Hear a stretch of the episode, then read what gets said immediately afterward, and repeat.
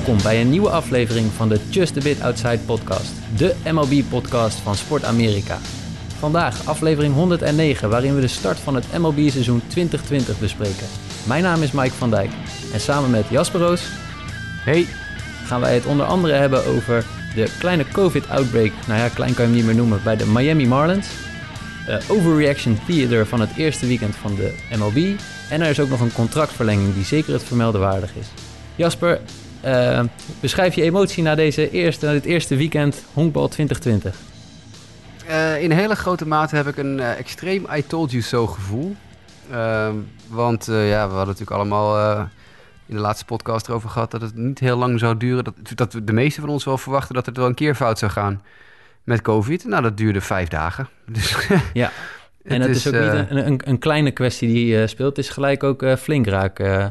Het, is, het is heel ernstig, ja. De, de Miami Marlins, ja, ik neem aan dat de meeste mensen die ons volgen, die de podcast volgen, ook inmiddels wel onze Twitter-feed of de artikelen op de website gevolgd hebben. Maar er is een behoorlijke corona-outbreak binnen het team van de Miami Marlins. In totaal inmiddels, want er is net weer een update geweest door Ken Rosenthal, nog een speler erbij. 16 spelers van de 33, dus 50% ish van uh, de volledige Marlins-delegatie is besmet met corona. Nadat ze naar verluid vorige week na de laatste oefenwedstrijd tegen de Atlanta Braves met een paar lui zijn gaan stappen in Atlanta. Uh, en Atlanta is natuurlijk ook een stad waar de boel totaal niet onder controle is. Net zo goed als eigenlijk het meeste van Amerika de boel eigenlijk niet onder controle is. En tijdens de stappen hebben een of twee van die gasten corona opgelopen. En dat hebben ze meegenomen naar een team. Op vrijdag is het team volgens het standaardprotocol getest. Op zaterdag uh, moest je dan wachten op de uitslagen. Op zondagochtend waren de uitslagen daar. waren vier jongens positief bevonden. Toen moesten ze nog op de rest wachten, want de andere uitslagen waren er nog niet. En toen zijn ze toch gaan honkballen op zondagavond tegen de Philadelphia Phillies. Ondanks vier positieve gevallen binnen de selectie. Ik tik op mijn voorhoofd, dat kunnen jullie niet zien, maar ik, uh, ik koekoek MLB. En uh, ja, de volgende dag uh, blijkt in eerste instantie wordt er gezegd 14 mensen in totaal uh, besmet. En toen wordt het uiteindelijk bijgesteld naar 13 spelers. En uiteindelijk wordt het nu dus weer 16.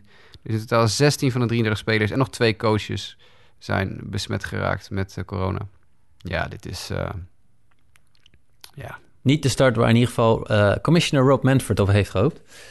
Nee. nee, en dat terwijl op zich op donderdagavond hè, met de Yankees tegen de Nationals was er een, een mooie wedstrijd waarmee het seizoen begon. Hoewel die wel ook door onweer werd uh, uh, ingekort tot zes innings. op zich, ik was persoonlijk wel blij dat er weer honkbal was. Ik heb er ook echt wel van genoten om afgelopen weekend wedstrijden te kijken. Ja, maar, maar ook weer voor de Yankees en Nationals wedstrijd test gewoon Soto positief van de Nationals. En die mag dus niet spelen. En dan krijg je die hele saga van hem over de laatste paar dagen. Want Soto is dus zes keer getest in de laatste paar dagen. Drie keer door de club en drie keer door MLB. En hij heeft om en om positief en negatief getest. Ja, ja, dat, maar hij moet officieel twee keer negatief achter elkaar testen voordat hij weer terug mag naar het team. Nou, inmiddels schijnt hij twee keer achter elkaar negatief getest te hebben. Maar hoe, het, het, kan natuurlijk ook niet dat dit soort jongens worden dan naar huis gestuurd. En dan ga je testen en dan is nou, de ene keer is hij positief, de tweede keer is hij negatief, dan is hij positief, dan is hij negatief. En intussen zijn er twee jongens bij de Cincinnati Reds, Mike Moustakas en Nick Senzel, die zelf aangegeven hebben MLB, we hebben enigszins symptomen van corona. Ze zijn getest. Ze zijn allebei negatief getest, twee keer. Maar ze mogen nog niet terugkomen van MLB, omdat MLB zegt... ja, maar je hebt nog symptomen. Dus we nemen het zeker voor het onzeker en jullie mogen niet spelen nog. Terwijl MLB wel gewoon de Marlins op het veld zet tegen de Philadelphia Phillies op zondag... terwijl je weet dat er vier besmettingen in het team zijn. Bevestigde besmettingen. Ja. En dat blijken er achteraf dus drie keer zoveel te zijn. Vier keer zoveel te zijn. Nou ja, en wij hadden het ook al in de, in de, in de app over van de podcast... dat toen Juan Soto uh, bekend werd dat hij uh, positief had getest... dat we zeiden van dit is bijzonder, want die wedstrijd die is al eigenlijk eh, binnen volgens mij 24 of 48 uur van dat moment. Hij is ook bij zijn team geweest de afgelopen dagen. Wat is dat voor uh, besmettingsgevaar voor de overige spelers? Ja, natuurlijk. Ja, die wedstrijd die kon, uh, die kon gewoon doorgaan. Uh, en je hebt net ook al beschreven van hoe het zeg maar dan vervolgens gegaan is bij de, bij de Marlins. op zaterdag was volgens mij al eentje positief bevonden. En inderdaad op, op zondag komen er dan nog drie bij. Ja, en heb je dan het, het, lijstje, die vier namen van die gasten de, toevallig voor je? Ik heb hem net opgezocht even. Het, het waren in eerste instantie de spelers die positief getest hadden... zijn Garrett Cooper, Harold Ramirez, Jorge Alfaro en José Ureña. Dat waren de eerste vier die bevestigd werden. Uh, de rest uh, is, wordt altijd een beetje geheim gehouden. Vervolgens is ook Miguel Rojas, de aanvoerder van de Marlins... De default aanvoerder van de Marlins, positief getest... En eerder vandaag ook Sandy Alcantara, de pitcher die van de week nog zo ontzettend goed gooide in zijn seizoensdebuut. heeft ook een positieve test afgeleverd. We weten dus niet wie de overige spelers of coaches zijn. Nee. Nee, en het is. De, ik heb uh, het interview met Rob Manfred gezien, wat geloof afgelopen maandag op MLB TV ook werd uitgezonden. Manfred geeft aan dat dan de procedure in werking is getreden. Dus dat ze dus, hè, want iedereen vroeg zich af waarom hebben zij op zondag nog kunnen spelen als ze vier positieve gevallen he hebben gehad. Dat, dat, mag eigenlijk gewoon niet. want je weet dan niet wie er allemaal nog meer besmet is op dat moment.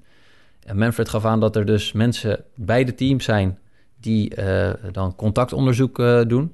En op basis van dat contactonderzoek was er op dat moment, zeiden zij, het, het gevaar blijkbaar voor besmetting met anderen gering. Maar dat is toch dat is, dat is, ja, nee, die gasten hebben, met, die hebben naast elkaar minder dan een meter bij elkaar vandaan in de, in de clubhouse gezeten. In het, uh, voor de wedstrijd, in de kleedkamer. Ja. Het is toch gewoon, hoe kan je nou zeggen, nee, er is geen risico voor contact binnen een team waarvan 30 spelers net hutje-mutje hebben gezeten in een kamertje waar er normaal gesproken maar 25 in kunnen. Ja, nee, dat maakt het erg. Uh, de, uh, dubieus dat zij. Uh, uh, en eigenlijk gewoon fout, fout. Incompetent. Ja, het is incompetent. Het is zoals we al over heel veel dingen roepen. MLB is incompetent. Ook op dit gebied is MLB incompetent. Het feit dat ze de spelers, dat de Marlins spelers... voor de wedstrijd tegen de Philadelphia Phillies... in een group text met z'n allen hebben besloten om gewoon te gaan spelen... onder aanvoering notabene van Miguel Rojas. Die vond dat ze moesten gaan spelen. Die dus later ook positief is getest.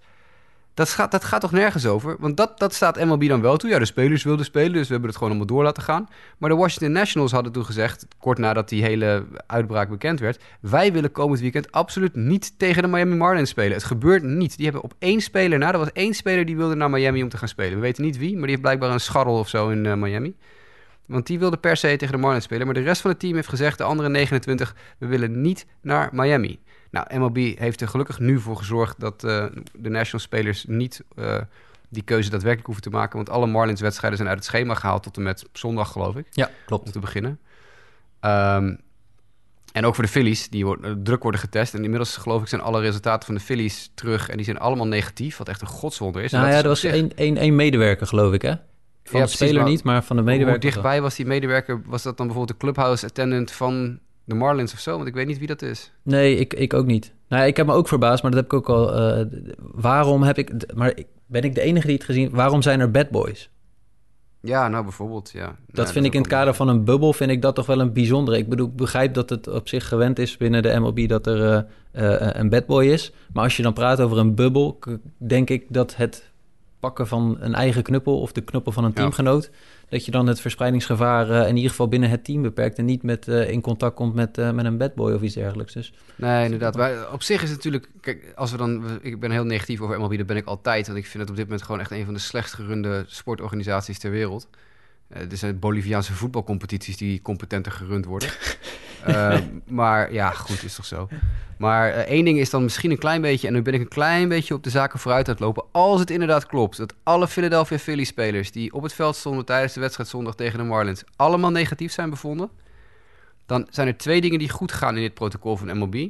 Ten eerste klopt het dus inderdaad dat tijdens honkbalwedstrijden je ver genoeg bij elkaar vandaan staat of als je een mondmasker op hebt. Want heel veel van die gasten hebben een mondmasker op, hè, ook tijdens die wedstrijden. Ja, sommige, teams, toch sommige teams meer dan andere. Maar ik snap niet dat dat, dat, dat, sorry, ik snap niet dat dat na afgelopen zondag niet verplicht is geworden. Ja, daar begrijp ik ook niets van. Je zag de Cleveland Indians gisteren wel, eh, die hadden vrijwel allemaal masker op. Zowel aan slag als in het veld, inclusief de catcher onder zijn, uh, onder zijn masker ook nog een uh, extra mondmasker. Ja. Alleen de pitchers niet, maar dat is logisch, want die staan een kleren bij iedereen vandaan. Dus dat zou dan niet specifiek hoeven, denk ik. Tenzij je Joe Kelly bent, maar daar gaan we het later in deze dat aflevering nog even over hebben.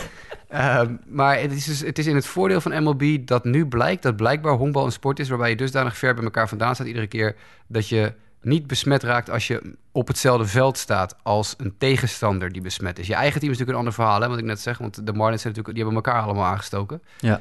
Uh, maar dit zou dan betekenen dat het inderdaad zo is dat je als tegenstander minder risico loopt op besmetting als je op het veld staat met een team dat wel besmet is. What Zolang je dan maar ook niet dezelfde kamers of, of bussen of, of uh, gangen gebruikt of zo, weet je wel. Ja.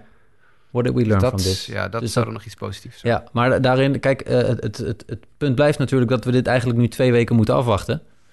Ja. Omdat we niet weten of dat, uh, dat het geval is. er zijn een aantal dingen die in, in dat, dat geval nog wel ehm, voor de MLB spreken in dit geval. Namelijk uh, onze grote vriend Bob Nightingale had een tweet eruit gestuurd dat van alle tests die sinds vrijdag gehouden waren, alleen de Marlins-tests, geloof ik, positief zijn uh, gebleken tot nu toe. Ja, ja maar dat, dat is een hele sneaky manier hoe MLB... MLB heeft een press release uitgebracht eerder vandaag. En dat is heel sneaky, want die hebben gezegd... sinds het protocol begonnen is, of sinds het seizoen begonnen is... zijn er geen spelers positief getest. Zo, dat is gewoon helemaal niet waar. Want er is nog één speler de dag van tevoren getest... En die heeft de uitslag gekregen nadat het protocol in werking is getreden. Dat is Matt Davidson van de Cincinnati Reds. Mhm. En die is wel positief. Dus MLB is ook heel selectief in de manier hoe ze nieuws naar buiten brengen. Ja, nee, precies. Dus dat is uh, goed Nogmaals, dat je daar... Boliviaanse voetbalcompetitie, jongens, echt. ja, nee, maar kijk, wat, wat spreekt dan weer wel in die zin inderdaad voor de protocollen? Ik denk dat de MLB wel probeert uh, hun best te doen om dit zo veilig mogelijk te maken voor de spelers. Um, en daarin zie je dus ook wel in dit geval dat als dit allemaal zo loopt, ja, in welke mate kan je dan dus, ehm, wat je eerder al aangaf, de Marlins gaan met z'n allen feesten in Atlanta. Het zou protocol moeten zijn dat dat soort dingen die kunnen. Maar de, de protocollen rond de wedstrijd lijken dan in ieder geval voldoende te werken. Voor dit moment, voor zover wij nu weten. Want dit is voortschrijdend inzicht. Het probleem daarbij is ook nog dat je nu de situatie krijgt dat spelers die actief op het veld staan, die dus niet de opt-out hebben gebruikt, zich tegen deze situatie gaan uitspreken. De Nationals die zeggen wij gaan niet spelen tegen de, de Marlins wanneer uh, de wedstrijd op het schema staat. Ryan Braun, natuurlijk, Ryan Braun is al een paar jaar niet meer de Ryan Braun van zijn hoogtepunt. Maar Ryan Braun is nog steeds een gevestigde naam binnen MLB. Die heeft tijdens een persconferentie gisteren gezegd: It's disturbing, it's upsetting. Nou, dat is al niet goed. En vervolgens heeft hij gezegd: There's real fear. There's real anxiety for me and for all my teammates. Ja. We found it very difficult to focus on baseball at all over the last couple of days. Heel belangrijk, hè? Wij vinden het moeilijk om ons te concentreren op het spelletje dat we, moeten, dat we moeten spelen om ons geld te verdienen en om jullie te vermaken. Hij zegt: I know for me personally, I don't feel comfortable with where we're at. There's real fear and anxiety for all of us. Ik voel me niet op mijn gemak met de situatie van MLB zoals die nu is. Ik ben bang. Er is bij ons in het team angst. Nee, ja, precies. en dat, dat, als, als, spelers zich op die manier uit gaan spreken. Nou ja, klopt. En uh, een van de spelers die van tevoren natuurlijk uh, al geopt-out had, was David Price, de werper van de Los Angeles Dodgers. En die was ook een van de, van de eerste om op vrijdag of op maandag, geloof ik, te tweeten van... Uh, luister, MLB zet niet player safety bovenaan. Dat zou nu moeten blijken. Ehm, en ehm, ik snap niet dat daar nog steeds niet voor gekozen wordt. Rob Manford reageert dan weer op van... ik ben het daar niet mee eens. We proberen te spelen en proberen dat op zo'n veilig mogelijke manier... waarin de player safety nog steeds zeg maar bovenaan staat. Ja, ik denk dat dat ook een, een, een verschil is tussen ehm, zeggen... eigenlijk is het gewoon niet veilig om te spelen... of we gaan kijken hoe we zo veilig mogelijk kunnen spelen. Maar ja, dat, uh, die ga je denk ik niet bij elkaar uh, brengen wat dat betreft.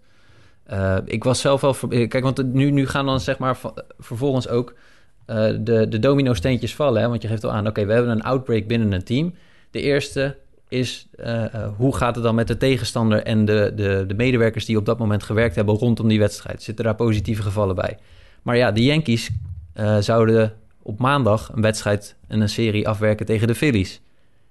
Hoe comfortabel ben jij om een kleedkamer in te stappen, waar zojuist zeg maar een half team is weggevaagd. Wat is het? Was het een half ja. team? Ja, een half team is weggevaagd bijna, met een bijna helft, ja. Ik, uh, uh, ik zou daar niet zo gerust op zijn. Nee, en, en, en natuurlijk hebben de Phillies gezegd... nee, we hebben het hele gedoe uh, volledig vier keer geloof ik ontsmet... voordat uh, tussen, het feit, dat, tussen het moment dat de Marlins weggingen... en de Yankees binnenkwamen... is het, het hele kleedkamer vier keer ontsmet. Maar natuurlijk moet je op zo'n moment zeggen, en dat heeft MLB heeft dat uiteindelijk gedaan, we hebben er een beetje lang over gedaan. Maar er was, ik hoorde van mijn, een van mijn contacten in Amerika dat er op een gegeven moment echt serieus crisisberaad is geweest met uh, een Zoom-call met alle owners, ook weer. Uh, en, en dat op een gegeven moment gezegd is: oké, we, we, we, lassen die wedstrijden af uh, van de Yankees en de Phillies. En, en natuurlijk de Marlins worden dan uiteindelijk uit het schema gehaald. Maar hoe dan ook, kosten wat het kost. En dat zei Manfred later ook in zijn interview met Tom Verducci op MLB Network. Uh, we gaan hoe dan ook proberen om door te gaan. Tot het punt komt, en dat vind ik een heel dubieus punt ook, want het is heel subjectief, dat een team niet meer competitief kan zijn. Ja, competitive door... integrity. Ja, precies, dat noemen die competitive integrity. Ja, oké, okay, uh, uh, kom op. Waren de Marlins competitively integer, integer uh, vanaf het begin af aan? Natuurlijk niet. Dit team is op dit moment niet veel meer waard dan een single A-ploeg. Dit is, dit is zeker, normaal gesproken was het dan niet best. Maar nu moet je de helft van je spelers inleveren. En ga je allemaal. Ze zijn overal spelers vandaan aan het trekken. Ze hebben een trade gemaakt met de Kansas City Royals, geloof ik, voor, voor een pitcher. Nou, moet je die pitcher zijn. Dan word je naar een team getrade waar de helft corona heeft. Ik zou zeggen, doei. Ja. Ik, zou meteen, ik zou meteen mijn opt-out inzetten. Ik zou zeggen, jongens, het beste maar weer. ja. Nee, En dat dan, is... gaan ze, ze, ze trekken werkelijk waar iedere, iedereen die ooit een honkbal heeft vastgehouden, trekken ze van de straat. Ik, ik zal voor de gein even kijken of ik, of ik heel snel de transaction log van de, de Marlins kan vinden. En Want ze hebben, weet ik, de duvel in zijn oude moer van stal getrokken. Eh, Ja, ze om, moeten eh, gewoon een roster kunnen fielden. En dat wordt nu gewoon een ontzettende uitdaging. Ja, want je hebt, je hebt een taxi squad of, een, of een, een backup squad van 30 spelers. Daar moeten ze nu al f- 16 man van af gaan halen. Ja. Dat gaat toch helemaal nergens over? En je zegt het is een single A-team, maar ik vrees, vrees dat we hier zojuist wel wat Philly-fans verloren hebben... die eh, de serie natuurlijk wel verloren hebben van de Marlins afgelopen weekend. Daar lig ik niet wakker van. Sorry, Jimmy. Didi Gregorius, die overigens wel echt een, eh, goed begin die- kende in, die- eh, in ja, om even een positief dingetje erin te gooien. even. staat, staat hartstikke goed te spelen. Ja. Zeker weten, ja, absoluut. Eh, ik ga even kijken. Justin Schaefer is geclaimd van de Cincinnati Reds. Nou, dus zou ik zeggen, doei, dikke doei. Ze hebben Mike Morin geclaimd van de Milwaukee Brewers. Ook lekker. Ben je Mike Morin en dan word je... Oh, Travis Snyder is... ja, heb je, weet je nog wie Travis Snyder ja, ja, is? ja. Toronto Blue Jays onder andere. Ja, en, eh, en de Pittsburgh Pirates volgens mij ook. Jaren geleden was toen een groot talent, lefty slugger. Die hebben ze een contract gegeven. Mensen, kinderen, man. Het is echt, iedereen wordt in één keer uit de, uit de, uit de, hoe heet die dingen gehaald? Uit de mottenballen. Maar goed. Maar kijk, dat, dat is dus het, het enige, want ik, ik, ik begrijp het punt wat je maakt over, eh, over die, eh, die, eh, die tests en dat dat dan alleen de Marlins zijn. Eh, als je dan praat over het, nachtmerriescena- eh, eh, het nachtmerriescenario waar Manfred ook naar bevraagd werd, ik denk dat het een, nog grotere nachtmerrie was geweest als je gewoon nu gelijk drie teams had gehad met besmettingen die in één keer eh tien, tien man missen. Tuurlijk. Eh, zo ernstig is het nog niet. Eh, maar ook daarvan, we weten niet hoe erg de situatie is over twee weken. Nee. Eh, dat blijft gewoon, eh, ja, we kunnen niet eh, vooruit in de tijd kijken. En eh, we zullen vanzelf gaan zien hoe erg het is. Tot nu toe lijken de overige teams op basis van de tests eh, eh, het eerste weekend nog goed door te zijn gekomen. ja.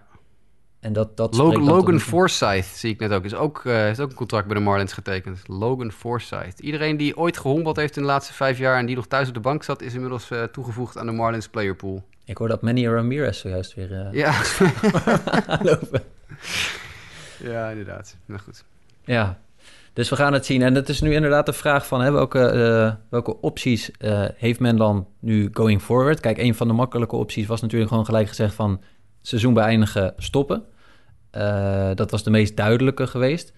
Ze hebben er nu voor gekozen. Ik heb ook tegen jou nog gezegd van nou, volgens mij is ook een optie dat je gewoon de East nu twee weken pauzeert. Want ja, eigenlijk is de hele East, het schema is zo ingericht dat je nu alleen de East hebt waar zeg maar besmettingen in zijn. Mm. Maar daarmee creëer je eigenlijk een gat voor twee weken voor de andere teams aan het einde. dan, kan je, dan kan je dus pas twee weken later met de playoffs beginnen. En die beginnen al wat laat. En dan ga je, voor je het weet, zitten we op eh, Sinterklaasavond nog World Series te kijken. Ja.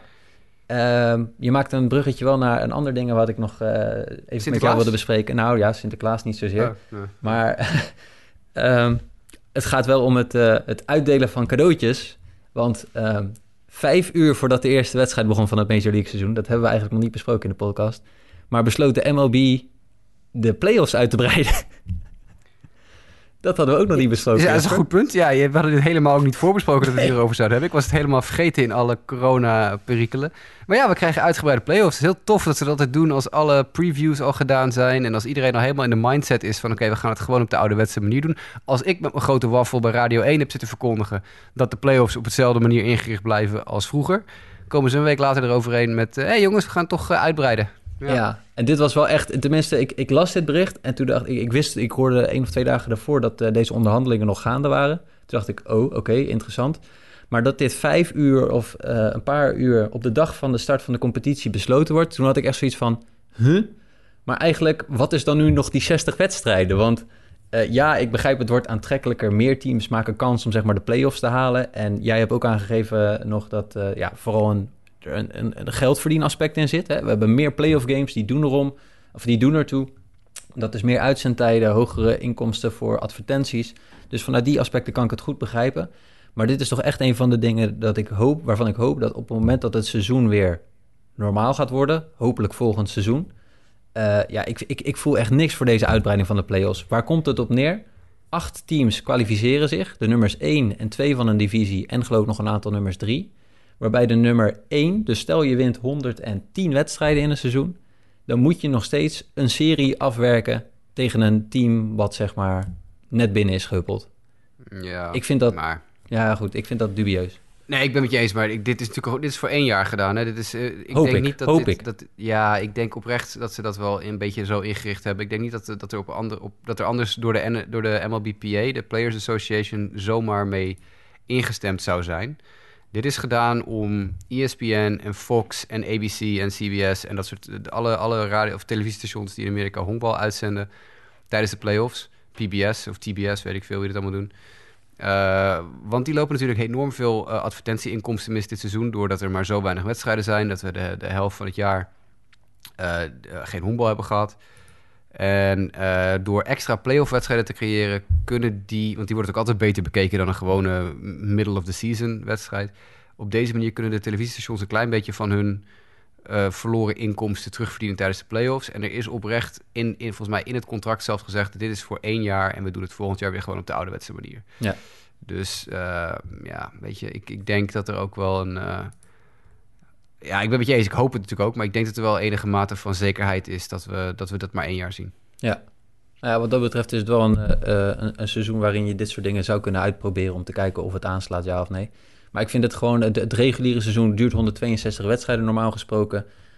Het is niet per definitie in mijn beleving dat het beter wordt, zeg maar, dat er meer teams dan naar de playoffs gaan. Want dan krijg je een beetje in mijn, uh, de, de NBA-achtige setting. Ja. En dan is een seizoen van 162 gewoon erg lang. Uh, dus dat, uh, dat gaan we dan wel zien. Maar ja, het was bijzonder hoe dit in één keer naar buiten kwam. nog heel even terugkomen zeg maar, op welke mogelijkheden dan ze dus hebben. Dus ze kunnen het, het stopzetten, het seizoen.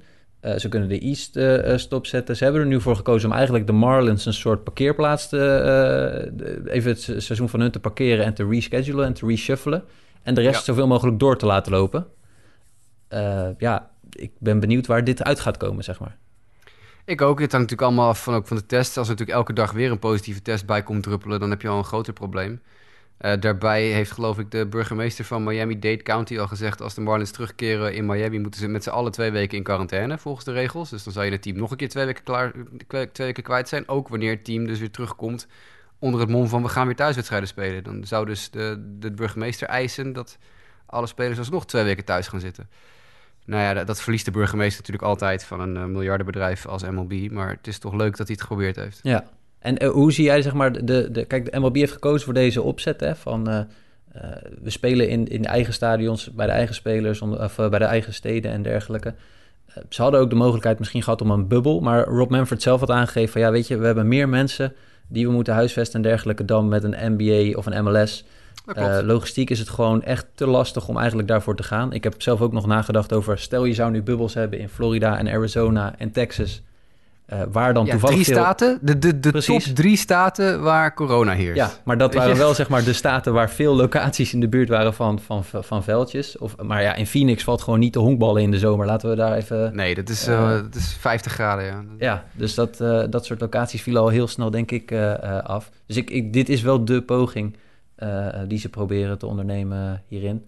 Ja, we moeten ik, begrijp dat, ik begrijp dat ook wel. Aan de andere kant ben ik ook echt gewoon waanzinnig gefascineerd met wat de NFL gaat doen straks. Ik weet, dit is niet de NFL-podcast en ik wil niet een, eventueel gras voor de voeten van onze NFL-collega's wegmaaien. Maar dat zijn nog grotere teams. Dan heb Ja. je het over alleen al, ik geloof, 60 spelers die te allen tijden in dezelfde locatie zijn. En coachingstaffs van 25, 30 man. Ja. En dan heb je het over gewoon 100, 120 mensen per team, per organisatie in totaal. Ja. Ja, dat gaat natuurlijk helemaal niks worden. Maar goed, dat is, eh, laten we niet op de zaken vooruitlopen. Ik Nee. denk persoonlijk, maar dat roep ik al heel lang en ik blijf daar voorlopig nog maar even bij, want ik ben natuurlijk, hè, als, ik ben nothing if not, gewoon eh, stand by my point, is dat dit seizoen niet afgemaakt gaat worden. Dat roep ik al vanaf het begin, eh, vanaf de onderhandelingen al. Als er gewoon wat gaat worden, gaan we het seizoen niet afmaken. Er gaat nog iets fout. Dit is, dit is gigantisch fout gegaan en helemaal verkeerd aangepakt door MLB. Je had natuurlijk al de situatie met Soto vlak voor die wedstrijd van de Nationals. Je had de situatie dat de Atlanta Braves vlak voor hun wedstrijd... eh, zowel Travis Darno als Tyler Flowers, allebei hun catchers... in één keer naar huis moeten sturen... omdat die allebei positief getest waren. En dus in één keer Alex Jackson en nog een of andere... eh, minor league maloot, William Contreras. Nou, dat is geen minor league maloot, dat is wel een aardig honkballer. Maar eh, twee van die gasten op moeten roepen... omdat ze in één keer geen catchers meer hadden. Dan heb je dus je hele preseason, je hele summercamp... heb je gedaan met die twee catchers... en in één keer moeten je pitchers naar andere catchers gooien. Ja. Omdat die twee gasten een uur voor de wedstrijd symptomen hebben. Weet Ja, je, nou, is competitive integrity een boeiend begrip. Precies. Ik bedoel, laten we wel wezen. Tyler Flowers en Travis Darno zijn geen all-stars... maar ze zijn wel beter dan Alex Jackson en William Contreras. Ja. Nee, ja, precies. Dus we gaan even kijken hoe dat eh, gaat lopen. Maar we gaan ook nog eventjes hebben over de dingen die gewoon gebeurden tijdens de wedstrijden die gespeeld zijn. En nog, eh, we hebben nog blessures, we hebben nog contracten. We moeten nog heel veel doen. Precies. ja. Dus laten we een, een, sprongetje maken. Ehm, ik wil even beginnen met de Houston Astros. Hè, natuurlijk eh, een, een, een bewogen Mijn, mijn favoriete team, hè? Ja, daarom. Dus ik denk, de- maar ik vind dat er veel te bespreken valt. Vooral gegeven de, de, de laatste 24 uur van de Houston Astros. De Astros hadden natuurlijk een, be- een bewogen offseason.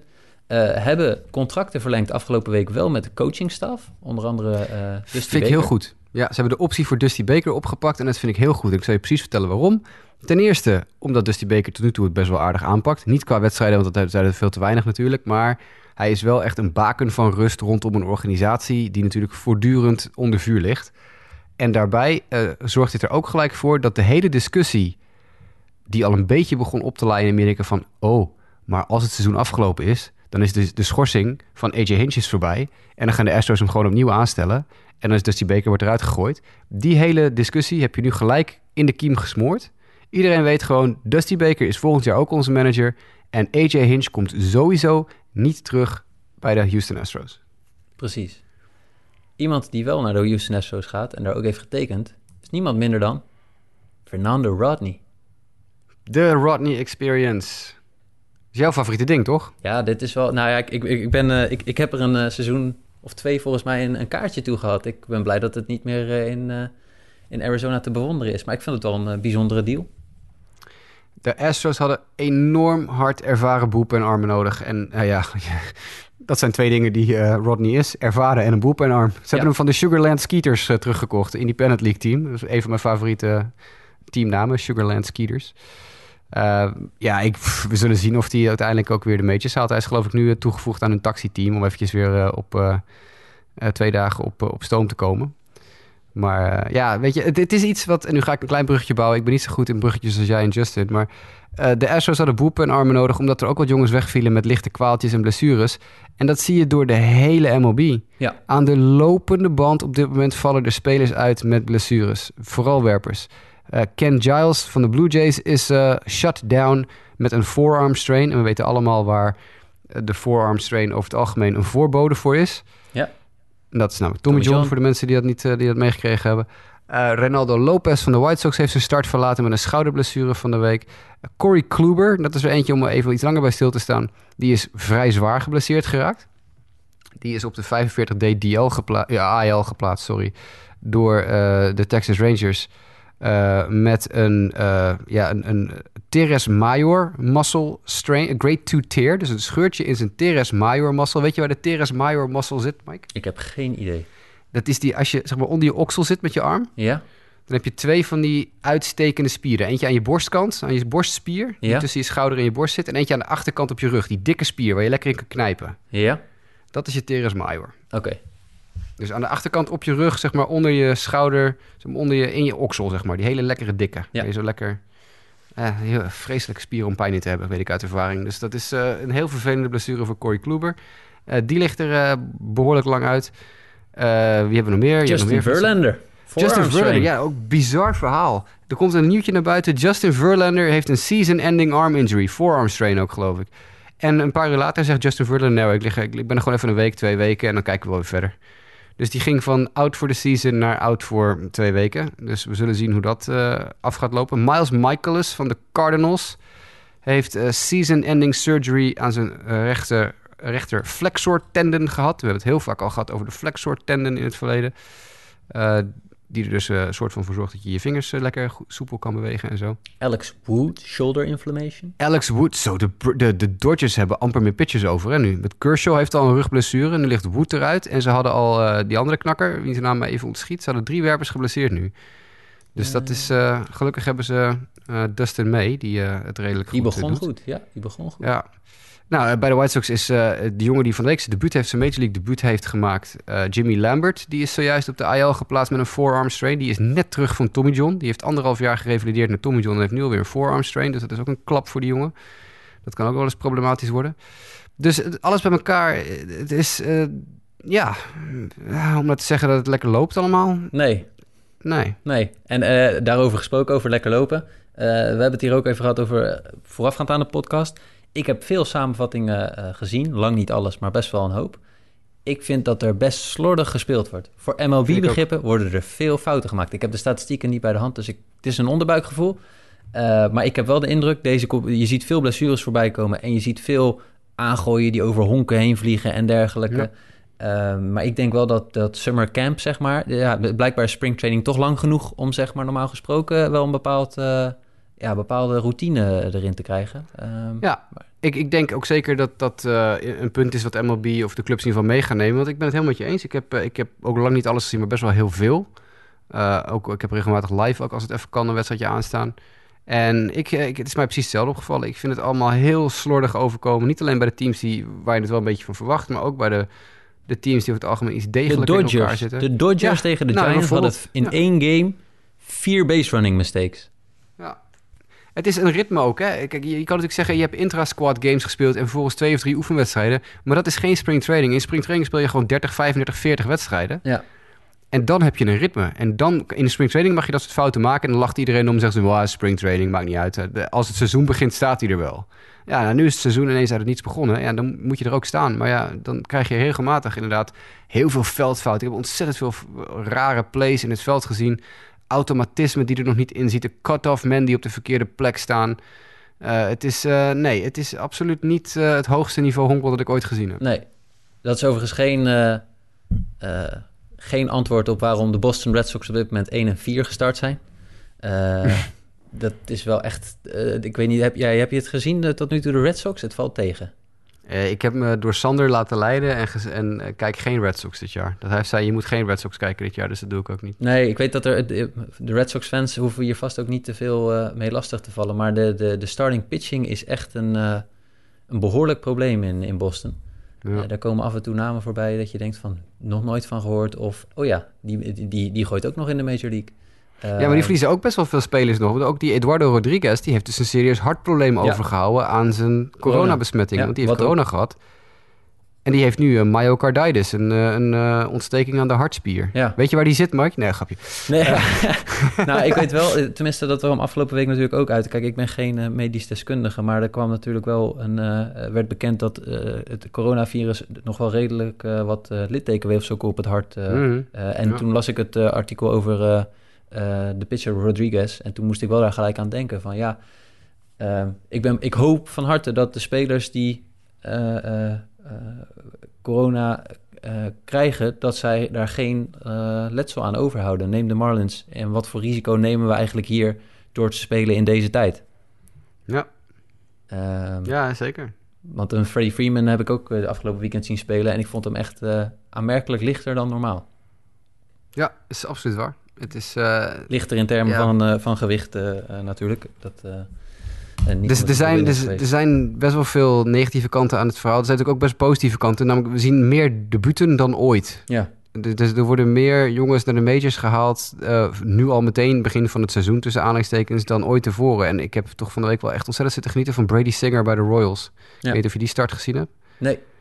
Uh, die was nasty, jongen. Poeh, die, die, gaat, die gaat nog wel een komende tien jaar heel, uh, heel nasty zijn in de AL Central, denk ik. Die stond echt goed te gooien. Ja, ik, eh, ik, ik heb de Padres veel gezien dit seizoen. Dat pitching, ja, die Nelson Lamet ja, en dergelijke. die Nelson Lamet, ja, dat is, dat is mijn dude al twee jaar. Ik vind het zo fantastisch dat hij weer terug is. Oh, dat zag er... Uh... En vanavond Nate Pearson bij de Blue Jays. Daar heb ik ook ontzettend veel zin in. Ja. Nate Pearson gooit ook gewoon 100 mijl per uur. Dus het is ook altijd lachen om naar te kijken. Ja, en veel aces lieten het toch wel redelijk afweten nog in de eerste Enorm. ronde. Dus, Enorm. Uh, oh, en de Braves, die, uh, dat is een beetje ha uh, hak op de tak hier. Ja. Maar de Braves die Mike Fultonevich in één keer gewoon aan de kant hebben geschoven uit, na één start. Doei. Ja. Nee, dat, aardig wat. Er, gebeurt, er gebeurt wat dat betreft genoeg. Maar nog heel even terugkomend op de, de Astros. We hadden natuurlijk verwacht dat daar best wel wat fancommotie zou zijn. Iedere keer dat de, de Astros op bezoek zouden gaan ergens en dergelijke. Nou stond er gelukkig een ontmoeting met de Los Angeles Dodgers op het programma als tweede serie van het seizoen. En het was gisteravond in die zin enigszins vuurwerk. Mm daar zit natuurlijk wat bad blood tussen, tussen, de, tussen de Astros en de Dodgers... omdat ze samen de World Series twee jaar geleden hebben gespeeld. De Astros wonnen. Understatement van het jaar trouwens. Een beetje bad blood. Ik denk dat er bij de Dodgers jongens rondlopen... die die gasten wel kunnen vermoorden. ja, nou precies. Ehm, dus ehm, nu stond die ontmoeting uh, scheduled. En op zich leek het nog wel redelijk gemoedelijk te gaan. Maar toen kwam Joe Kelly in het veld. En uh, Joe Kelly heeft uh, eerst een bal langs het hoofd gesmeten met een 3-0-count volgens mij van Alex ja. Bregman. En niet veel later stond Carlos Correa in, de, in de bedding, in de, hoe heet het, was hij aan slag. En die kreeg ook een bal naar zijn hoofd geworpen. En ja, toen de inning beëindigd werd, werd daar dus nog wel eventjes over en weer wat verhaal gehaald. En uh, we hadden eigenlijk bijna de eerste schermutseling tussen twee teams in coronatijd, wat totaal niet wenselijk is. Uh, de boel werd nog redelijk gesust, maar Joe Kelly maakte ook een paar uh, gebaren dat je dacht van hier zit nog wel wat, wat zeer. Um, en het mooiste was nog de camera's die alles een beetje, uh, de, de microfoons die alles opvingen. dat was echt fantastisch. We hebben weer een paar uh, excuses van commentatoren gehad van ja, sorry mensen, we hebben geen stadiongeluid. Dus ja, jullie horen uh, wat dingen die hier op het veld geroepen werden. Zoals van, weet ik veel, iemand gooide een behoorlijke mother effer naar iemand anders toe. Dus, ja, het is, maar ik, ik had gedacht de, dat de, de Astros er een, een, nu zonder fans en dergelijke en met wat er allemaal gebeurt, nou ja, dat, dat dit misschien een soort van over zou waaien. Uh, dat is uh, zeker niet het geval. Ik weet niet wat jij nee, absoluut niet. Nee, nee, nee, absoluut niet. En ik hoop ook stiekem dat het niet overwaait, want ik hou er wel van. ik, uh, ik, ja, dat soort shit als met Joe Kelly, ik vind het wel mooi. Ja, nou moet ik eerlijk toegeven, ja, ik, ik, ik weet niet of de Astros ook de beelden hebben gekeken van Joe Kelly zijn curve waar hij aan gewerkt heeft thuis, maar dat heeft ook wat ramen doen sneuvelen. Heb ja, ik, dat, dat, ding, dat ding in de achtertuin. ja. Die had zo'n gigantisch, uit zo'n gigantische soort van bullseye in de achtertuin gemaakt. Echt een enorme bullseye met een soort kooi eromheen. Je kon er niet langs gooien.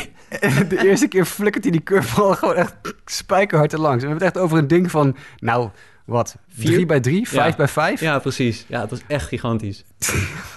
wat een idioot. Maar goed, dat was wel lachen, toch? Ik herkende die pitch terug toen uh, Carlos Correa ja, aan slag was. Was het de Pitching Ninja die ze naast elkaar had gezet? Op oh, nee, heb ik nog niet gezien. Nee, ja, ja, ja moet je maar kijken. Ja, ja, Pitching Ninja heeft ze naast elkaar gezet. Moet even kijken straks lachen. Kijk, en, en uh, um, uh, Mookie Betts uh, eerste indrukken in Los Angeles zijn best goed. zo goed ja. zelfs dat hij een, een, zelfs een nieuw contract heeft getekend voor 12 jaar 350 miljoen dollar. En dat is bovenop het huidige jaar waarin hij nog 27 miljoen betaald krijgt. Hij heeft een 65 miljoen signing bonus gekregen. Mookie Betts speelt geloof ik tot hij 40 is wat vind jij daarvan? nou ja, je weet hoe ik, uh, hoe ik over dit soort lange contracten denk. Ik vind het een stomme investeringen, want dit soort jongens zijn dat geld per definitie nooit waard. Alleen de Dodgers denken van, nou, we kunnen op deze manier zoveel mogelijk geld binnenharken door fans in het stadion te brengen, misschien een kampioenschap of twee pakken. En dan is het op de lange termijn misschien nog wel eens een keer waard voor ze. Ja, ik hou er niet van. Ik vind het stom. Ik vind dat je nooit, je moet mensen nooit meer een contract van langer dan zes jaar aanbieden of zo. Dan zit het er wel een beetje, een beetje aan. Ik... Alleen ja, Mookie is een fantastische speler natuurlijk, dus je wil hem aan je club binden. Maar uh, ja, goed, het, eh, het, het slaat nergens. In, in, in essentie slaat het nergens op. Zeker niet in deze tijd waarin spelers allemaal geld in moeten leveren en zo. Klap je even zo'n contract even over de toonbank. Dus het hele verhaal van MLB-teams van... nee, we, moeten echt, we kunnen echt geen geld uh, inleveren tijdens dit korte seizoen... en de spelers moeten geld inleveren, maar wij niet... is dus allemaal gewoon geklets. Want de Dodgers klappen hier gewoon even een godsvermogen naar, naar Mookie Betts. Ja. Het is natuurlijk wel een goede speler, laten we dat vooropstellen. Een van de beste die er rondlopen. Dus ik bedoel, het is niet zo dat ik die jongens zijn geld misgun...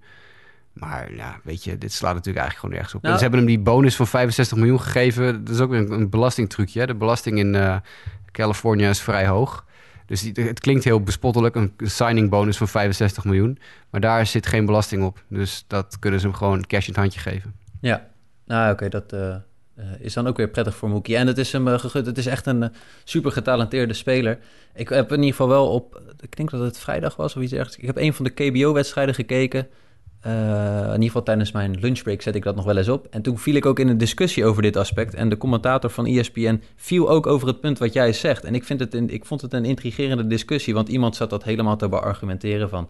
Ja, uh, he owes this money. MLBPA is happy.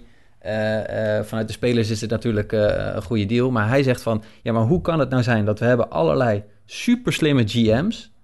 en die accepteren dat van deze 12 jaar er 6 jaar uh, wat zal het zijn? 120 miljoen uh, die aan het einde van, de, van die zes jaar zit, gewoon weggegooid wordt. Ja. Gewoon weggeschreven wordt aan één speler. Hoe, hoe kan je dat, hoe kan je dat eh, rechtvaardigen. En, Nee, en ik denk dat de MLBPA daarin ook wel een discussie heeft. Want kijk, er gaat heel veel dan naar één speler en niet naar de rest. Nee, precies. En hoe krijg je dat gefixt? Ik, ik, ik ben daar niet over uit, maar ik vond het een intrigerend punt. Nou, omdat je denkt van ja, zo'n slimme GM, zulke slimme GM's, die front offices. En, en die, die, die bekijken dan van joh, als ik twee seizoenen eh, eh, een titel pak in de komende zes jaar en ik heb hem dan in zijn prime, wat maken me die laatste zes dan uit? Voor 120 miljoen dollar of iets dergelijks. Nou, en het punt wat je daar natuurlijk ook een beetje in de gaten houden... is dat het eigenlijk het gat tussen de, de rijke clubs en de niet zo rijke clubs... alleen maar groter maakt. Want er is dus eigenlijk maar... Er zijn twee clubs in de, in de majors die dit kunnen betalen. Weet je, dat zijn de Yankees en de Dodgers. Dat zijn feitelijk... Ja, misschien... Nou, de Red Sox dus niet, want die hebben hem laten lopen. Maar De dat was een bewuste keuze. Nou, op dit moment ook niet. Na die contracten voor Rendon en, eh en Trout. Nee, oké, maar het, een contract dit- van Trout heeft natuurlijk wel deze omvang. Nee, natuurlijk. Ze kunnen het met één of twee spelers wel doen. Want ook Rendon heeft behoorlijk gecashed bij de Angels natuurlijk. Maar ik denk, die zitten nu wel behoorlijk aan hun, aan hun max. Eh, en, en eh, dit zorgt natuurlijk gewoon een steeds, steeds groter gat tussen de... Kijk, de Betts was nooit bij de Oakland Athletics uitgekomen. Nee, zeker niet. Hè? Of, of, bij de, of bij de Seattle Mariners. Die kunnen dit gewoon absoluut niet betalen. Dus zolang er geen, geen salarisplafond in de Major League komt... ga je dit soort achtelijke contracten houden. Ja. Ja, het is... eh, het is En natuurlijk, en, en er gaat nooit een salarisplafond komen, want de MLBPA gaat nooit goedkeuren dat er een salarisplafond komt. Nee. Nee, maar dat blijf, ik, ik blijf het zelf ook. Dat ik denk van hoe kan je dan dus inderdaad op die manier omgaan met, eh, ja, met geld. En, en kijk, ik bedoel, ik denk een, een GM zit er ook maar met een beperkte duur. Hè? Dus gaat hij dan nog echt het, eh, zich zorgen maken over de zes jaar dat hij er niet zit? Zeg maar, zo, zo klinkt het als een investering. Ja, ja Eh, dit is absoluut waar. Ja, die, die GM's die gaan natuurlijk uit van het feit van ik ga titels pakken en ja. dat zorgt ervoor dat ik een contract voor het leven krijg en zo. Dat soort dingen, weet je wel. Ik bedoel, Ja. Dat, dat, dat zou ik ook proberen te doen. Je moet een beetje wat positief uitgaan. Alleen ja, dit, ja ik, vind het, ik vind het achterlijke contracten, maar Ja. dat is, ja... En in welke bedoel- mate is Mookie Betts over zes, zeven jaar nog steeds de goede defensieve, snelle, hondlopende speler? Eh, dat, Ja, eh, dat niet. ook, eh, nee. Waarschijnlijk. Nee, Maar- we gaan het zien. Ehm, side note in het kader van dit soort contracten. Patrick Mahomes is tegenwoordig eigenaar van de Kansas City Royals. mede-eigenaar van de Kansas City Royals, Ja. Hij heeft een, een eigenaarsdeel gekocht. Eh, En, en een Ferrari. Hij heeft natuurlijk een joekel van een contract getekend bij de Chiefs. En hij heeft, zijn eerste aankoop was en een Ferrari en een ownership stake in de Kansas City Royals. Wat leuk is, want zijn vader speelde ooit Major League honkbal voor de Kansas City Royals. yes. En hij heeft ook eh, eh, invloed in die zin gehad dat Matt Harvey terug is bij de Kansas City, of in ieder geval in de Major League, maar bij de Kansas Ja. City Royals nog wel. Ik eh, was van plan om het nooit meer te hebben over Matt Harvey, maar hij is toch weer terug. Een soort eh, boomerang. Ja. Ja. Nou ja, over spelers waarover je het denk ik wel wil hebben... is eh, eh, het pitchingtalent van de White Sox. Michael Kopech, die ervoor heeft gekozen om dit seizoen niet te spelen. Eh, er was volgens mij wat onduidelijkheid over de situatie... waarom hij niet wilde spelen. Ja, wat kan jij ons daar ja. meer over vertellen, Jasper? Ja, het is een heel bizarre, bizarre, nou, bizarre reden. Het is een heel verrassende reden. Er werden heel veel verhalen de wereld ingeslingerd dat hij het gedaan heeft omdat hij niet zeker was dat hij zichzelf, dat zijn arm zo goed, goed kon houden. Hij natuurlijk net terug van Tommy John. Misschien wilde hij dat niet riskeren. Had hij zoiets van, nou, de aanloop is te kort. Hè, wat wij nu zien bij heel veel pitchers die dus geblesseerd raken omdat de aanloop te kort is om de arm strength op te bouwen. Maar het blijkt heel anders te zitten. Hij gaat scheiden. Eh, hij is eh, niet heel lang geleden getrouwd. Dat is volgens mij een maand of wat geleden is hij getrouwd. Met Vanessa Morgan, de actrice van Riverdale. Voor alle mannen die naar deze show luisteren, die vrouwen of vriendinnen hebben. Eh, of andere partners hebben die naar Riverdale kijken op Netflix. Vanessa Morgan speelt in Riverdale en die is eh, getrouwd. Was, ja, is nog wel getrouwd met Michael Kopek. Maar die gaan scheiden en dat is extra tasty, want zij heeft net vorige week bekendgemaakt op Instagram dat ze zwanger is. Dus de eerste rollers waren al gelijk dat dat kind dan niet van Michael Kopek zou zijn. Nou, inmiddels heeft een representative van Vanessa Morgan naar de Chicago Sun Times of the Tribune een berichtje gestuurd van nee, nee, dit kind is wel degelijk van Michael en verder hebben we geen commentaar. Ehm, maar er is dus een heel vervelende thuissituatie voor Michael Kopek eh, op dit moment, waarin hij in een, eh, ja, van zijn, van zijn net, eh, ja, zijn, zijn kerstverse bruid gaat scheiden. Ja. Op, Het klinkt een beetje Days of Our Lives, maar het is... ja, weet je, in zulke tijden van corona en slecht honkbal... moet je toch bepaalde dingen ja, wat aandacht aan besteden. Precies, precies. Er staat ook trouwens nu op internet op veel van de Nederlandse roddelsites... dat het gaat om de echtgenote van Vanessa Morgan. Net zoals dat het gaat om meneer Alex van Jennifer Lopez... Ja. de toekomstige eigenaar van de New York Mets. Ja, nee, het is, eh, het is in Amerika is het- ja goed, ze zijn natuurlijk allebei celebrities, maar in Amerika is het inderdaad Ja. vooral mevrouw Kopek en hier het dan inderdaad de, de, de man van Vanessa Morgan. Ja, Ehm, maar bijzondere ik situatie. ben heel benieuwd. Ja. Ik ben heel benieuwd. Het, natuurlijk de roddel meteen dat, ze, dat het kind niet van hem zou zijn, dat vind ik dan wel een beetje zuur. Want het is natuurlijk niet per definitie het geval. Het kan best zo zijn dat er iets heel anders aan de, aan de hand is. Maar het- nu is het inderdaad achteraf wel opvallend dat zij, toen ze vorige week bekend maakte op Twitter dat ze, of op eh, Instagram dat ze zwanger was, dat er inderdaad een foto van haar stond waar Michael Kopek niet op stond. En dat ze het in de caption over my baby had en niet over our baby. En eh, ja, de scheiding schijnt al iets eerder ingezet te zijn. Dus het is niet helemaal duidelijk of hij de scheiding aangevraagd heeft voordat het duidelijk was dat ze zwanger was. Of dat hij de scheiding aangevraagd heeft nadat hij wist dat ze zwanger was. Maar dit verhaal is nog niet ten einde. Nee, En we houden jullie zoals altijd natuurlijk bij eh Sport Amerika Boulevard op de hoogte van de ontwikkelingen op dit gebied. dankjewel Jasper. Eh, ja, dan zijn we denk ik wel door de meeste nieuwtjes heen. Eh, nog heel eventjes, wat zijn nou zeg maar spelers die jou tot nu toe echt positief zijn opgevallen... waarvan je dacht van, nou, die gaan denk ik dit seizoen echt wel... eh, hè, een beetje overreaction theater. Ik bedoel, gaat, Nou gaat, gaat die die de 60 home runs aantikken? Het zou fantastisch zijn. Het zou echt heel leuk zijn. Ik denk het natuurlijk niet. Ik- wat, ja, kijk, mijn, mijn allergrootste overreaction theater is dat moment de, ondanks dat de White Sox 1 en 4 zijn, dat ze iedere aanvallende categorie aanvoeren of tweede staan in de American League. Eh, dus dat is natuurlijk, eh, de pitching is het probleem op dit moment, de, de offense niet. Maar wie zijn me opgevallen tot nu toe? Ehm, Shane Bieber. Schreef Zo. ik, van de week, wel- schreef ik even in een artikel van de week eh, van de Cleveland Indians. Die gooide echt een waanzinnige wedstrijd. Ja. 14 strikeouts in 6 innings. Ja. Deze jongen gaat de Cy Young Award winnen als hij zo doorgaat. Om maar even lekker wat opportunistisch MVP, overreaction theater erin te MVP. knallen. Ja, nou, dit is echt, deze jongen gooide echt, echt... Nou, ik heb denk ik heel weinig jongens toe zo ontzettend goed zien gooien als Shane Bieber. Dat was echt... eh, en er zitten een paar goede pitchers ook bij Cleveland. En ook bijvoorbeeld Dustin May van de, van de Dodgers... die eigenlijk ja, gewoon voor de leeuw gegooid wordt... omdat Kershaw een dag van tevoren ineens niet meer kan pitchen. Dat hij dan open day voor Dodgers moet gooien. Gooide ook naar omstandigheden hartstikke goed. Maar Shane Bieber was echt fantastisch. Eh Louis Robert is mij uiteraard opgevallen, want ik, ik kijk natuurlijk naar de White Sox, maar deze jongen is een beest, een beest van een talent. Eh, heeft zijn eerste home run al binnen, heeft zijn eerste honkslaaggun al binnen. En er staat zelfs een filmpje op internet nu waar een bal die naar het rechtsveld geslagen wordt, min of meer recht op de rechtsvelder af. Eh Louis Robert is zo snel dat hij vanuit centerfield voor de rechtsvelder komt om die bal te vangen. Eh, dus dat is ook wel geinig om te zien. Dus Louis Robert is mij absoluut ook opgevallen. De twee Japanners, de nieuwe Japanners in de Major League, zijn me opgevallen. Dat zijn... jongen- ja, Tsutsugo, Yoshi Tsutsugo van de Rays met een home run tegen Hyunjin Ryu van de week. Wat natuurlijk best knap is, want ten eerste lefty tegen lefty. En ten tweede, ja, je bent pas net in de Major League en je beukt gelijk een bal van een best wel goede pitcher over de hekken. En eh, Shogo Akiyama van de Cincinnati Reds, eh, die kwam als pinch hitter in het veld eh, in zijn eerste wedstrijd. Maar ook hij sloeg meteen honkslagen en zien er eigenlijk vrij op hun gemak uit. Dus dat zijn twee leuke toevoegingen, enthousiaste toevoegingen in de Major League. En wat valt mij nog meer op? Nog één dingetje. Eh, oh, de, de, de bovenste jongens van de slaglijst van de Toronto Blue Jays. Eh, die eh, natuurlijk, hè, Bobby eh, Kevin Biggio en Vladimir Guerrero Jr. Die slaan 1, 2 en 3 in de Blue Jays line-up. Daarna zakt het heel snel af, want de rest van de line-up word ik niet zo heel erg gelukkig van. Dus de Blue Jays gaan ook zeker niet de divisie winnen dit jaar.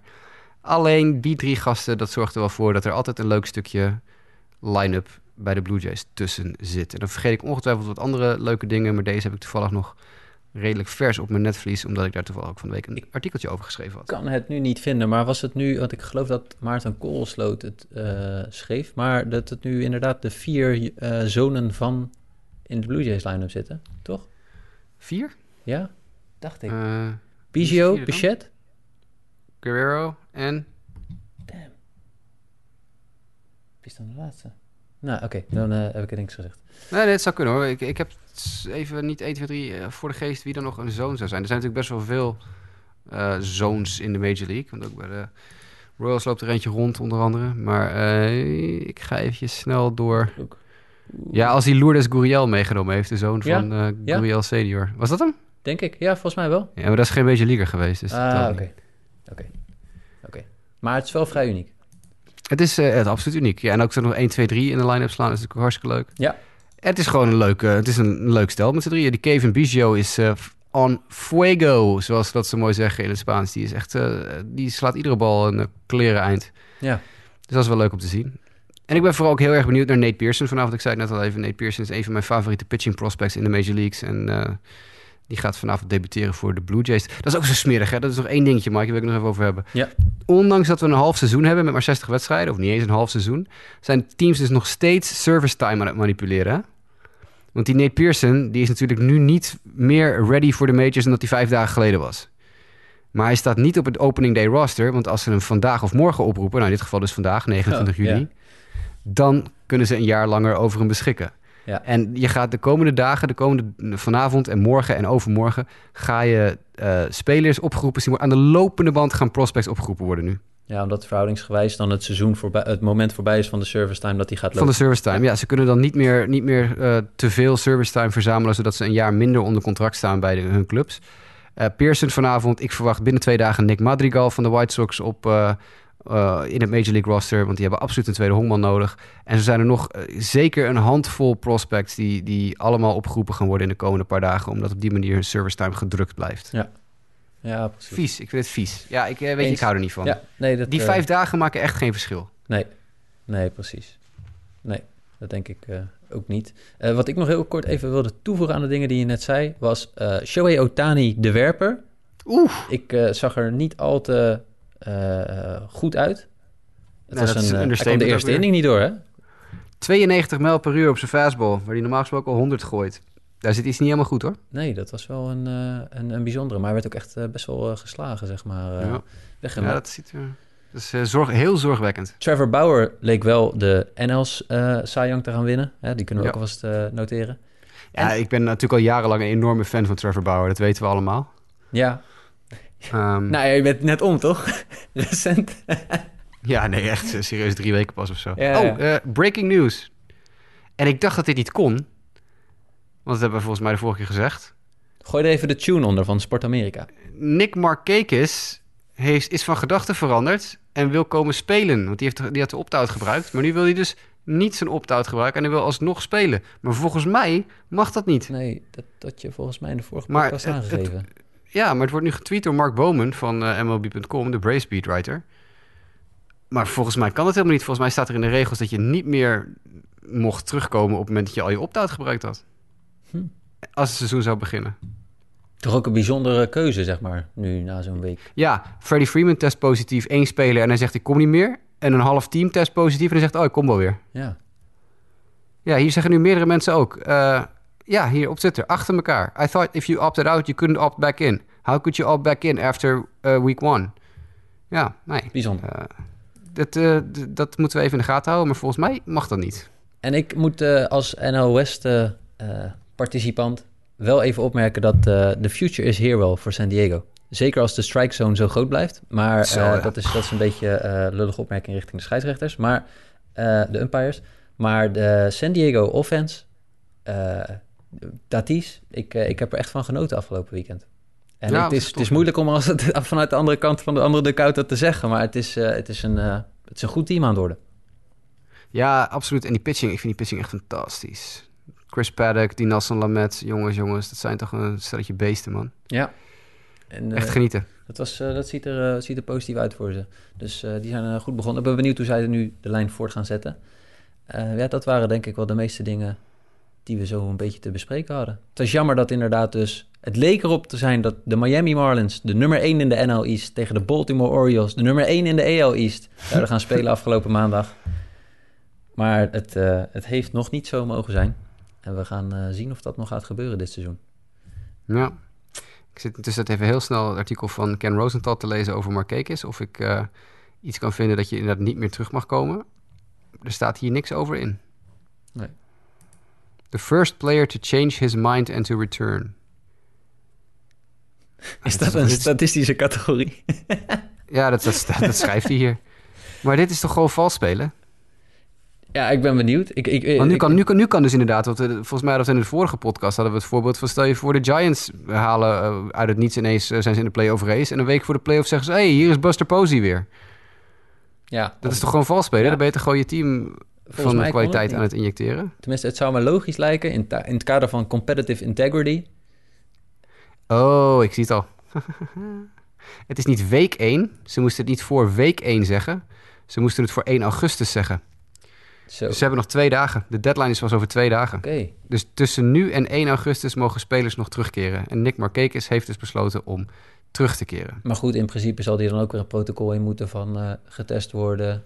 Eh, tegen de tijd dat je dan gekleerd bent om te spelen, zijn we denk ik ook een week verder.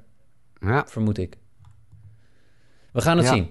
maar dat is het. Dus ik ben blij dat ik het nog even opgezocht heb. Anders dan eh, laten we dat, dat draadje weer hangen, zeg maar. Ja. Hij mag dus inderdaad nog terugkomen tot 1 augustus. Dus wie weet zegt Kopek wel van, nou, die, nadat die trut weg is, eh, Nou, nou, nou. kom nou, ik ook weer terug. Ja, ik weet het niet. Ze zullen wel ruzie hebben. Zij- Hij zal er wel een trut vinden, toch? Ja, hij, hij, zal, het- het- nou, hij gaat niet voor niets. Hij, hij heeft de scheiding aangevraagd. Ja, dus ik bedoel, Nee, hij, hij zal er wel niet zo leuk mee vinden. Ja.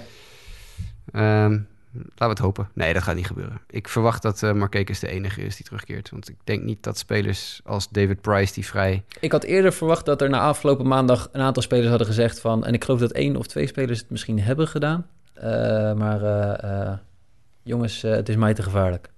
Ja, nog meer breaking news. Het beroep dat Mike Moustakas en Nick Senzel tegen MLB hebben aangetekend... omdat ze dus buiten de selectie gehouden werden... ondanks dat ze negatieve coronatests hadden afgeleverd... is goedgekeurd. Nick Senzel en Mike Moustakas zijn terug in de line-up van de Cincinnati Reds. Kijk, nou, ze kunnen het ook wel gebruiken na een 1 en 4 start. Ja, maar toch, ik vind dat toch wel een leuk team ook. Ja, nou, eh, weet dit, dit is overreaction theater. Hè. Ik denk... eh, ja, precies. eh, 1 en 4 is inderdaad, eh, zeker in een, 60, eh, een seizoen van 60 wedstrijden, is het geen goede start. Maar het Nee. is ook maar, ik denk dat het echt even kost voor bepaalde teams om, eh, om op stoom te komen. En het blijft gewoon, zeker met die expanded playoffs, als jij op het eind een, een goede eindsprint hebt, dan, ja, dan kan je zomaar een hele eh taaie tegenstander zijn in de playoffs. Ja, zeker weten. Dus eh, we gaan het zien. Zeker weten. Mochten jullie nog vragen hebben, dan kunnen jullie dat mailen naar Jasper. Eh, dat is over het algemeen is dat eh uh, justabitpodcast.gmail.com. Yes. Eh, ik zal mijn best doen om er weer eens naar te gaan kijken, want ik heb die mail al een tijdje niet meer geopend, want we liggen natuurlijk al een tijdje stil. Maar ik beloof dat ik uh, daaraan zal kijken. Maar de snellere manier is nog uh, het twitteren naar het Sportamerika-account, Sportamerika op Twitter, of naar mij, at Jasper Roos, of naar Mike, at mdijk90, of naar Sander, at GrasmanSD. Of Justin. Of Justin, uh, at JWKF. Ja, dat zijn de snelste manieren. Yes. Alright, volgens mij zit er dan op de eerste, uh, nou nog niet de eerste volledige week, maar het seizoen het is weer begonnen van de MLB. En uh, wij zijn er binnenkort weer met, uh, met meer nieuws. Ja, dat lijkt me wel. Ja, het was weer gezellig. Dank je. Thanks Mike. Tot de volgende keer. Hier.